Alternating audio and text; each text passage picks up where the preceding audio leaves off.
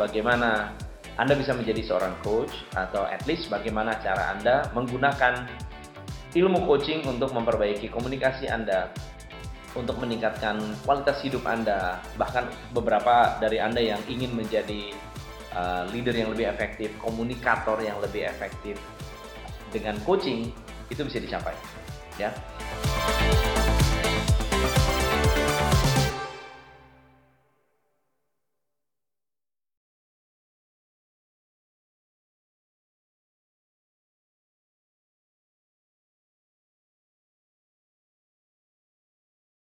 So, kalau Anda adalah business owner, pengusaha, leader, manager, senior manager, eksekutif, supervisor, saya yakin video ini akan membantu Anda. Video ini akan memberikan Anda sebuah pemikiran yang sangat-sangat jelas tentang manusia, kebutuhan manusia, dan bagaimana Anda sebagai seorang leader dapat membuka potensi seseorang menggunakan metode coaching.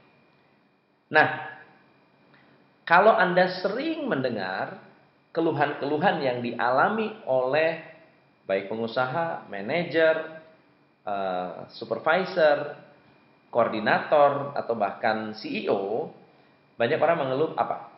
Karyawan susah diatur, uh, banyak karyawan yang karirnya mentok, susah untuk berkembang, sudah berada di posisi tertentu lama banget dan tidak bisa naik level, kemudian ada strategi, ada rencana tetapi tidak dijalankan, punya planning, uh, punya program, tetapi program itu tidak tidak berjalan dengan efektif. Uh, sudah ada aturan tetapi tidak konsisten dijalankan. Kemudian banyak sekali terjadi konflik antar karyawan, antar departemen, komunikasinya juga sangat lemah, akhirnya yang dirugikan, dirugikan adalah konsumen dan kalau konsumen dirugikan maka perusahaan pun akan rugi. Ya.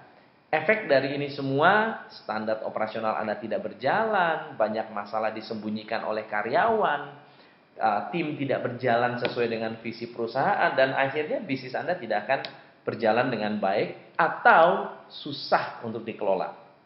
Nah, untuk itu Jawaban yang penting yang harus Anda miliki adalah bagaimana membuat seorang karyawan keluar dari zona nyaman mereka dengan senang hati.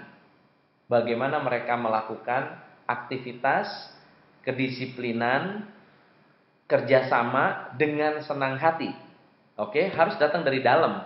Ini jawaban yang harus Anda dapatkan. Ini adalah ilmu yang secara spesifik wajib dimiliki oleh setiap leader. Dan coaching bisa menjadi sesuatu yang powerful. Karena majalah Forbes saja bilang bahwa coaching itu seperti punya ilmu ajaib.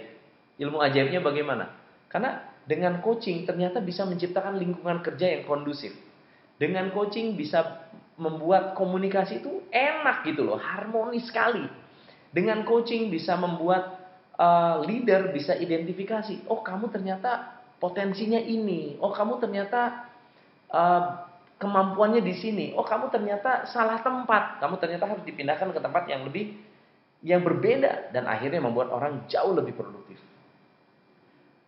Uh, coaching juga bisa membangun uh, satu jembatan antara leader, manager, ya eksekutif dengan manager, manager dengan supervisor, lalu departemen marketing dengan admin, dengan accounting, dengan finance, dengan operation, komunikasi bisa terjalin dengan harmonis.